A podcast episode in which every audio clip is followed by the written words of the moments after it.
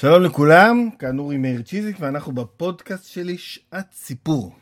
פודקאסט בו אני מביא בכל פרק טקסט אחד מהספרייה שלי, הספרייה של המרכז להנהגת הבריאות. אני מספר על הטקסט ומקריא אותו.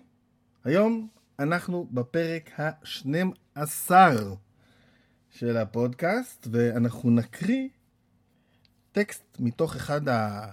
קטע מתוך אחד הספרים האהובים עליי, אחת האגדות האהובות עליי, שנקראת חי בן מקיץ. אז בואו אני אספר לכם קצת על האגדה הזאת. חי בן מקיץ, או חי אבן יוקתן בערבית, זו אגדה אה, פילוסופית מימי הביניים, שיש לה גרסאות אין ספור בערבית, בעברית, גרסאות מוסלמיות, אה, נוצריות, אה, יהודיות.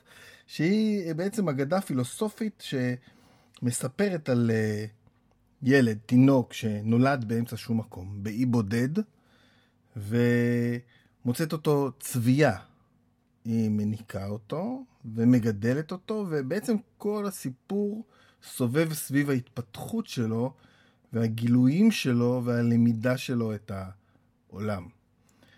איך הוא מגלה מה הצרכים הקיומיים שלו, איך הוא מגלה את היסודות, איך הוא מגלה את, את האלוהים, שפה במקרה הזה נקרא הנמצא מחויב המציאות, ועוד כל מיני דברים. אני מאוד מאוד ממליץ לקרוא את האגדה הזאת. חי בן מקיץ בעברית, או חי בן יוקדן בערבית. יש גרסה אחת שאני פשוט קורא אותה שוב ושוב כבר הרבה שנים, מאוד אוהב אותה. גרסה שתורגמה לעברית מערבית, הגרסה של חי אבן יוקדן, שנכתבה על ידי הפילוסוף הערבי אבן טופייל, שחי במאה ה-12, שהוא מביא אותה כגרסה של אבן סינה, שחי 200 אה, שנה בערך אה, לפניו. אבן סינה, פילוסוף ערבי אה, ידוע. אבן טופייל חי ב... אה, באזור של אנדלוסיה, אה, לפי דעתי הוא למד רפואה בסביליה ובקורדובה, והוא היה דמות מרכזית בחצר של החליף ופילוסוף מאוד מאוד ידוע, והוא כתב את הגרסה הזאת, שהיא לטענתו גרסתו של אבן סינה, לאותה אגדה. יש לנו את האגדה הזאת בתרגום לעברית של יאיר שיפמן, אה, בהוצאת אוניברסיטת תל אביב. ספר די חדש, אני לא בטוח שהדפיסו ממנו הרבה, ואני לא יודע איך אפשר להשיג אותו, אבל מי שיכול לשים את ידו על עותק, אני מאוד מאוד מאוד ממליץ. אנחנו נחזור להגדה הזאת, כמו להרבה ספרים אחרים פה, אה, מספר פעמים.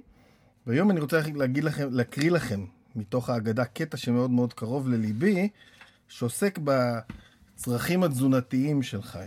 שהוא מגיע פתאום לתובנות שקשורות בצורך שלו ב... לאכול בעיקר, ואיזה סוגי מאכלים יש לו, אני אקריא ואז אני אגיד על זה כמה מילים, כי זה באמת קטע מאוד מאוד uh, מעניין. Uh, צריך להגיד שנייה, עוד לפני שאני אתחיל להקריא, שזה קורה בשלב די מאוחר. בעצם כל הספר הזה מחולק לשביונים. מי שמכיר uh, את האנתרופוסופיה יודע שגם באנתרופוסופיה החיים מחולקים לשביונים. Uh, מקבצים של שבע שנים, שבע שנים ושבע שנים.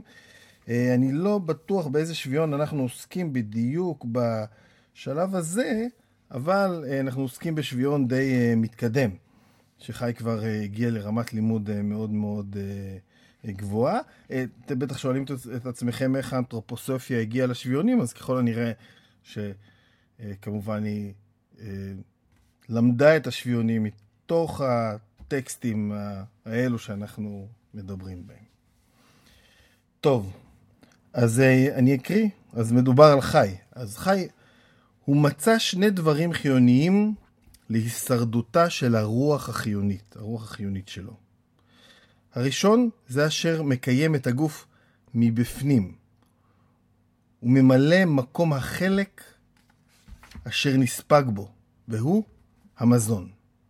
השני הוא מה שמגן על הגוף מבחוץ, ודוחה ממנו סוגים שונים של נזק, כגון קור, חום, גשם, חום, השמש וחיות מזיקות. ורק אם ירשה לעצמו לספק את צרכיו אלה ללא חשבון, בכל הזדמנות שתקרה, הוא עלול להפריז מעל ומעבר לצרכיו, הוא עלול להפריז מעל ומעבר לצרכיו ולקחת יותר ממה שהוא זקוק לו. במקרה כזאת, כזה, טרחתו למען עצמו עלולה להיות לרועץ לו בלי שיחוש בכך. מכאן הסיק כי עליו לקבל החלטה תקיפה ולהטיל על עצמו סייגים שעליהם אסור לו לעבור וכמויות שמהן לא יחרוג. התברר לו כי על אותם סייגים נכלול את כל סוגי המאכלים שאותם יאכל, את כמויותיהם ואת דחיפות סעודותיו. תחילה בדק את כל סוגי האוכל ומצאם שלושה.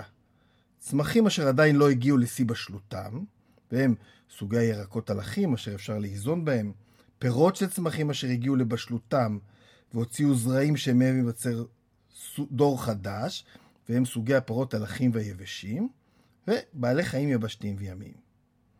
חי ידע כבר בוודאות כי כל אותם סוגים הם פעולתו של הנמצא מחויב המציאות, אשר התברר לו כי אושרו הוא בהתקרבות אליו ובבקשת ההידמות לו.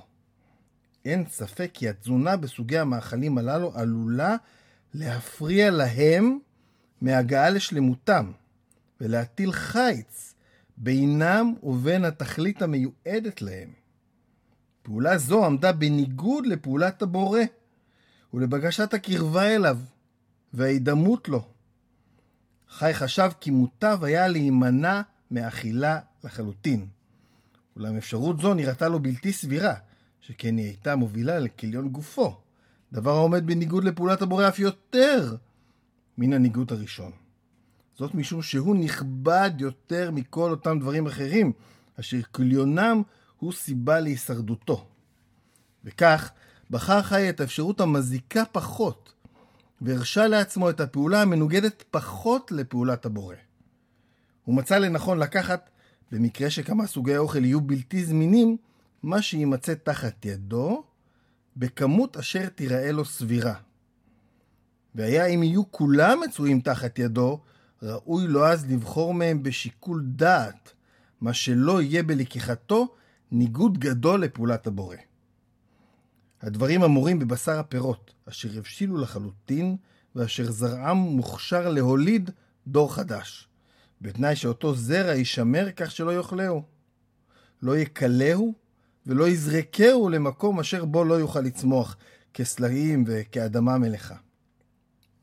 אם יקשה עליו למצוא פירות בשרניים מזינים, כתפוחים, אגסים ודומיהם, כי אז יוכל הוא לקחת מן הפירות אשר רק לזרעם יש ערך תזונתי, כאגוזים וערמונים, או מן הירקות אשר טרם הגיעו לבשלותם, בתנאי שיקטוף את המצויים והפוריים ביותר מהם, לא יעקרם משורשיהם ולא יכלה את זרעיהם.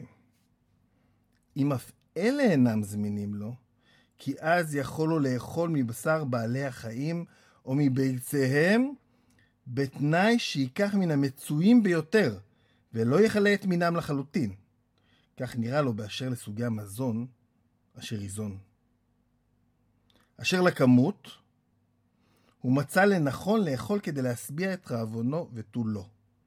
אשר להפסקות בין הארוחות, נראה היה לו שעליו לאכול כדי צורכו, ולא יותר מזה, פרט למצבים שבהם יחוש בחולשה, אשר תפריע לו לבצע חלק מהפעולות הנחוצות לו למען ההידמות השנייה, שעליה נדבר מיד. ואז מפה ממשיך uh, הסיפור למה שדרוש לו כדי להגן מבחוץ, בגדים uh, וכולי, אבל הקטע, הסיפור פה על, ה, על האוכל הוא, הוא מדהים, כי גם יש פה שני עניינים שבעיניי הם uh, uh, מדהימים. דבר ראשון, אנחנו רואים, uh, אפילו שלושה דברים. דבר ראשון, אנחנו רואים שפה הוא מבין שאנחנו צריכים להטיל על עצמנו סייגים מבחינה תזונתית, וזה לפני שהוא חי בתרבות השפע שאנחנו חיים בה. הוא מבין שאנחנו צריכים להגביל את עצמנו וליצור לעצמנו כללים.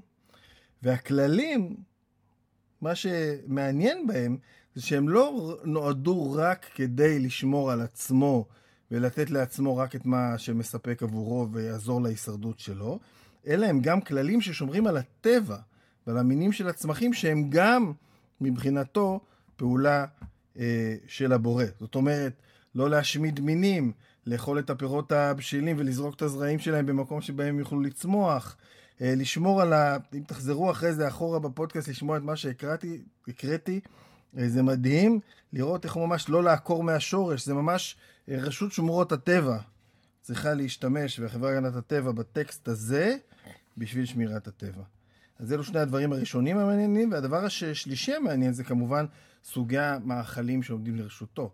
סוגי המאכלים הטובים ביותר לגוף האדם, שעומדים לרשותו, והם גם אה, מה שאכלנו כשהיינו, ככל הנראה, ככל הנראה כשהיינו לקטים ציידים, הם כמובן אה, פירות, אגוזים, ירקות ומזון מן החי, והוא גם מדרג אותם. הפירות הם הכי טובים לנו, אחר כך אגוזים וירקות, ובסוף גם אה, מזון מן החי, כדי להזין אותנו. אז זה אה, הטקסט, אחד הטקסטים התזונתיים הכי מעניינים שאני מכיר אה, בתקופה הזאתי, וגם הוא לא רק טקסט תזונתי, אלא גם טקסט אה, אקולוגי, טקסט שעוסק אה, בקיימות. אז זה מחי בן מקיץ, חי אבן יוקזן. אנחנו נחזור אה, לסיפורו של חי. זהו, סיימנו. אני מזמין אתכם אה, לעקוב אחרי הפודקאסט וגם אחרי הפעילות שלי ושל המרכז להנהגת הבריאות, אה, גם ברשתות החברתיות ובאתרים שלנו. אה, אני אורי מאיר צ'יזיק, ואנחנו ניפגש בפרק הבא.